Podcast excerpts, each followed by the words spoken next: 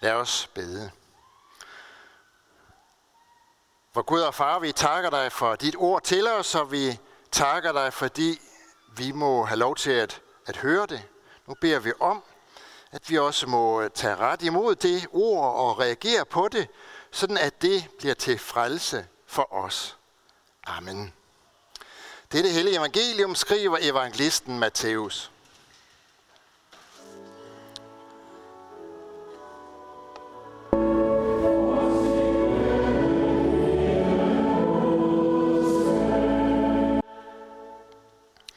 Jesus sagde, hvad skal jeg sammenligne denne slægt med? Den ligner børn, der sidder på torvet og råber til de andre. Vi spillede på fløjte for jer, og I dansede ikke. Vi sang klagesanger, og I sørgede ikke. For Johannes kom. Han hverken spiste eller drak, og folk siger, han er besat. Og menneskesønnen kom. Han både spiser og drikker, og folk siger, se den froser og dranker, ven med toller og syndere. Dog Visdommen har fået ret ved sine gerninger. Der begyndte Jesus at revse de byer, hvor de fleste af hans mægtige gerninger var sket, fordi de ikke havde omvendt sig. Ved dig, Koratsin. Ved dig, Bethsaida. For hvis de mægtige gerninger, der er sket i jer, var sket i Tyrus og Sidon, havde de for længst omvendt sig i sæk og aske. Derfor siger jeg jer, det skal gå Tyrus og Sidon tåleligere på dommens dag end jer. Og du, Kapernaum, skal du ophøjes til himlen. Til dødsriget skal du styrtes ned.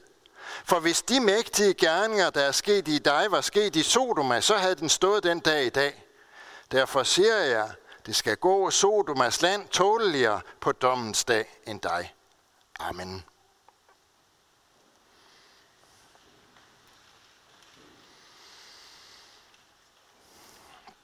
Gad vide, hvad Jesus han ville sige, hvis han nu trådte ind af døren dernede, kom ind her i Herning Kirke, og så spurgte sig selv, kiggede ud over os, og så spurgte han sig selv, hvad skal jeg sammenligne denne slægt med? Kan vide, hvad han vil sige? Hvad vil hans svar være?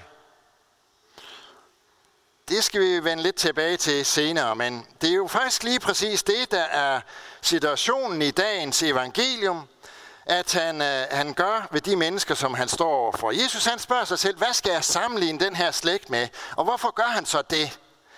Ja, baggrunden er den, at Johannes Døber, han, øh, han sidder i fængsel. Han har hørt om, hvad det er, der foregår omkring Jesus. Og øh, derfor har han så sendt sine disciple afsted for at forhøre sig hos Jesus, om det er, om det forholder sig sådan, at Jesus han er den, som kommer, eller om de skal vente en anden.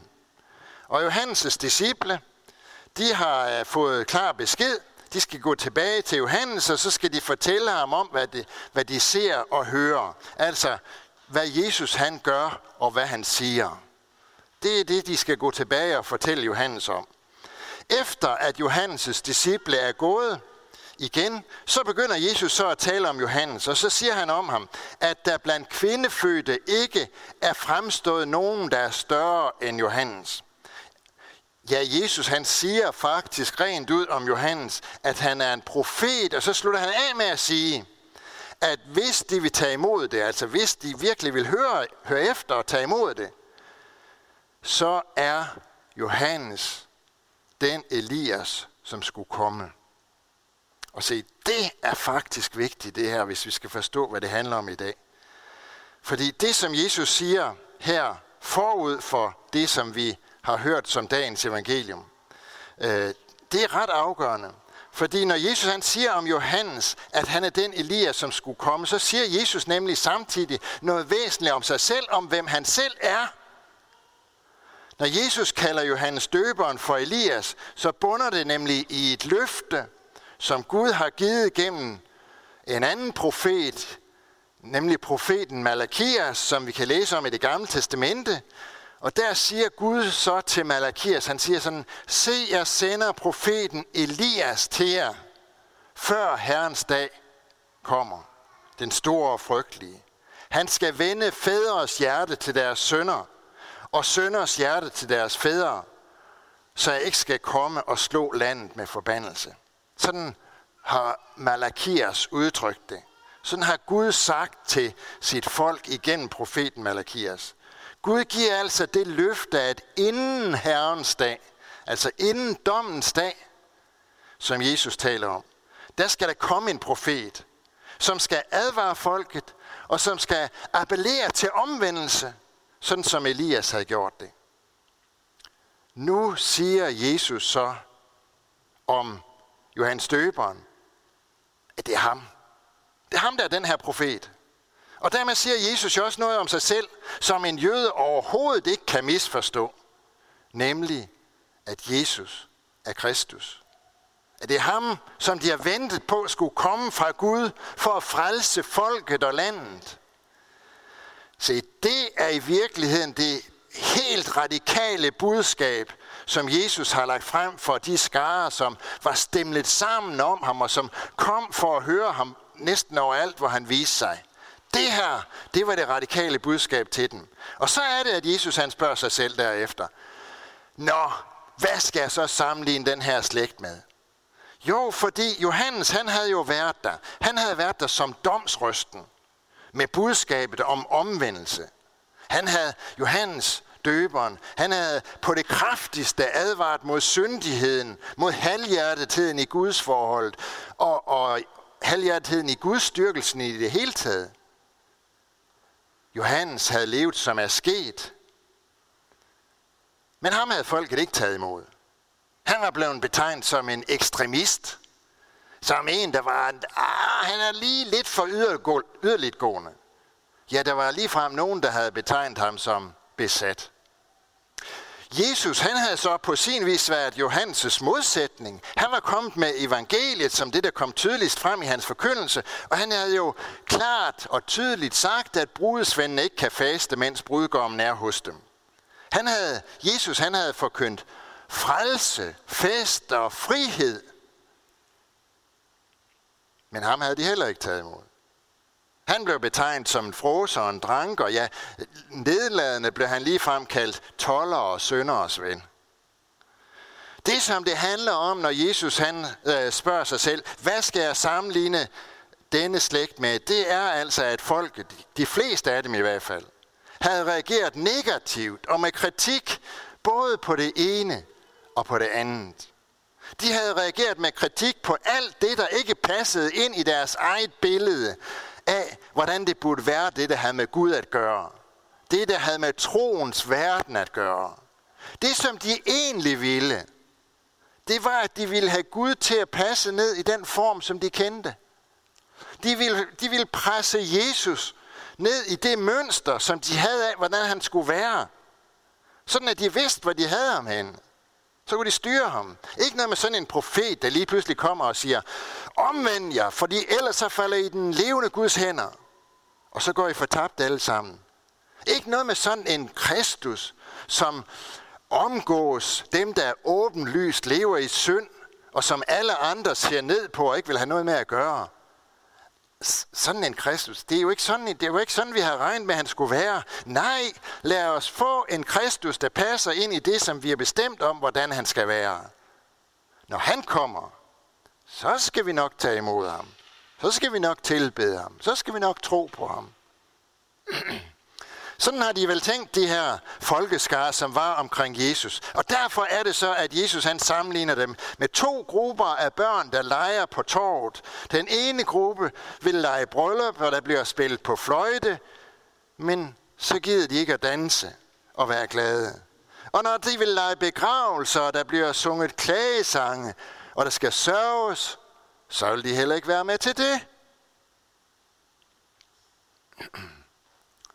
Fra gammel tid der er det sådan, at den her 10. søndag efter Trinitatis, som vi har i dag, den er blevet kaldt for Israels søndag.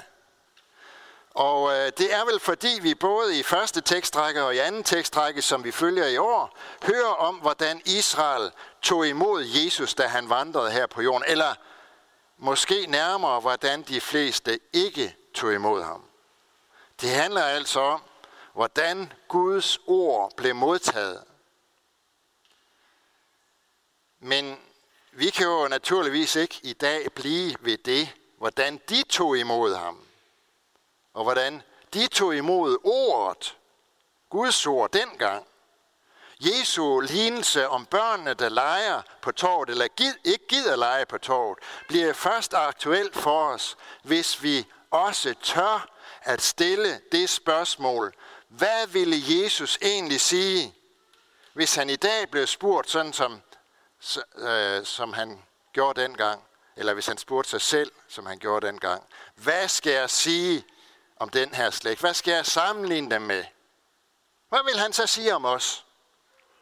Vil han sige det samme, som han sagde til jøderne dengang, fordi de ikke ville høre hans ord?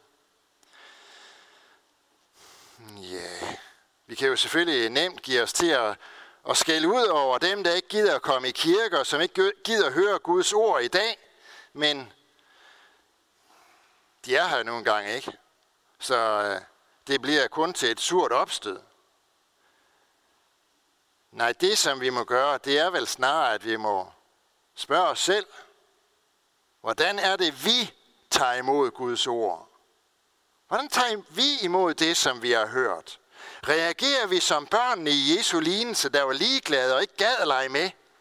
Hvordan er det, når Guds ord taler til os om den forfærdelige dom, der venter en hver synder, som ikke omvender sig og tror på Guds tilgivelse i Kristus?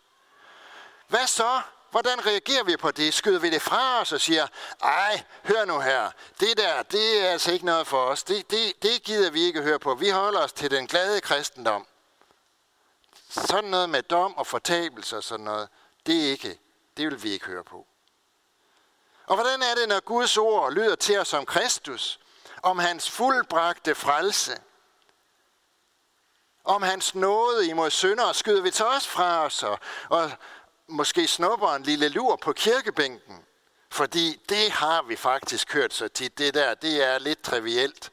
Det bliver bare det samme igen og igen. Det er næsten blevet ligegyldigt for os. Det er faktisk det her, der er Jesus spørgsmål til os, der er her i Herning Kirke i dag. Fordi evangeliet, det er aldrig nogensinde noget ligegyldigt. Hverken når det taler om dom, eller når det taler til os om frelse. Evangeliet, Guds ord, det drejer sig om evigheden. Jesus han taler jo i dagens evangelium om dommens dag. Og derfor er det også helt afgørende, at vi gør os klart, at det er et vældig, vældig, vældig stort evangelium at få lov, eller privilegium, at få lov til at høre Guds evangelium. Guds ord. Det er et kæmpe stort privilegium, at vi får lov til det. At vi kan samles her i Herning Kirke for at høre det ord. Og igennem det møde Jesus og hans mægtige gerninger. Fordi det er det, der sker hver eneste gang, vi hører ordet hver eneste gang vi hører ord fra Bibelen, så møder vi Jesus. For så er han her. Så kommer han her. Så er han midt i blandt os. Fordi han er levende i dag. Guds ord taler ikke blot om noget, der foregik en gang, og om hvordan mennesker dengang ikke ville høre på det. Nej, Guds ord taler om ham, som er levende i dag, og som også i dag stiller os til regnskab for det, som vi har hørt.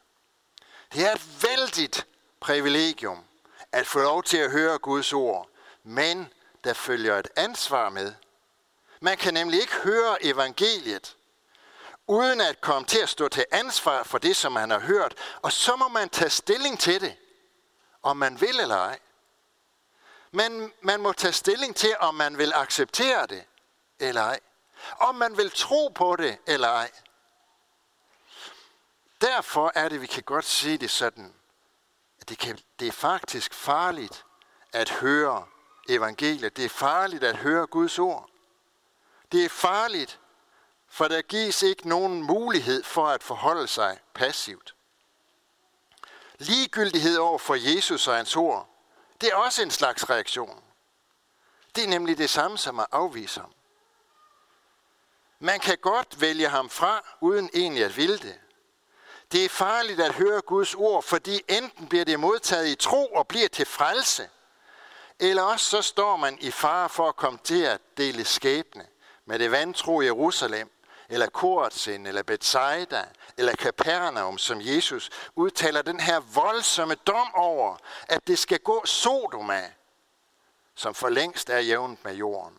Det skal gå Sodoma tåleligere på dommens dag end de her byer. Det er Jesus selv, der udtaler de her domsord over de tre byer. At tale om dommen, det er ikke forbeholdt Johannes Døberen eller andre profeter, som vi måske betegner som besatte eller hysteriske eller yderliggående. Og så afviser vi deres forkyndelse, fordi den ikke lige kilder vores ører på den rigtige måde. Nej, dommen er også en del af Jesu evangelium til os. Fordi hvis vi lægger rigtig mærke til det, så er det altid, når Jesus taler om dom, sådan at dommen kommer på baggrund af evangeliet. Dommen over de her tre byer kommer ikke, fordi de, de, de ikke havde taget eller dommen over de tre byer kommer netop, fordi de ikke havde taget imod Jesus og hans ord. Han anklager dem nemlig ikke for deres synd. Det, det har sikkert været øh, han kunne sikkert nemt have fundet noget at anklage dem for. Der ville være nok at tage af. Vi ved ikke alt om, hvad der foregik i de her byer, men Jesus kunne sagtens have fundet noget at anklage dem for der. Men det er ikke det, han gør. Nej, han anklager dem for deres manglende reaktion, og det er på den baggrund, han fordømmer dem. Og sådan er det stadigvæk i dag, to, små 2000 år senere, at når Jesu evangelium lyder til os om, hvem der kan blive frelst, så handler det ikke om, hvem der har syndet mindst, om hvem der kan gøre sig fri af synden, om hvem der kan leve frommest. Det er ikke det, det handler om. Nej, det handler kun om én ting, nemlig hvem der tager imod hans ord om, at der er frelse for syndere. Det er det, der er afgørende. For de mennesker, som dengang hånene kaldte ham for ven med toller og syndere, de ramte jo plet, uden at de selv egentlig ville det. Han er netop ven med enhver synder, som beder om tilgivelse. For han har selv slettet synden ud og gjort soning for den, og det var det, han gjorde, da han blev hængt op på et kors og led døden i stedet for os. Derfor er han også svær at tro på at holde sig til, og derfor må vi også høre hans ord og reagere på det ved at tro ham som vores frelser og som den eneste grund, vi har til frelse. Fordi nok er det farligt at høre evangeliet, men det er kun farligt for den, som skyder det fra sig, måske i ligegyldighed. For den, som hører det, tager imod det, der bliver det evangelium. Det er det Guds ord, som vi hører. Der bliver det en kraft til frelse. Det er det, som Luther i sin tid opdagede, og, som, og han blev til en mægtig velsignelse for Guds kirke. Måske det også kunne gå op for os. Måtte det gå sådan for hver enkelt af os, at den Jesus, som taler om dommen, han taler om dommen for at frelse os fra den. Måtte det gå sådan for hver enkelt af os, at vi måtte se det. Og se, hvor stor hans nåde er imod os. Amen.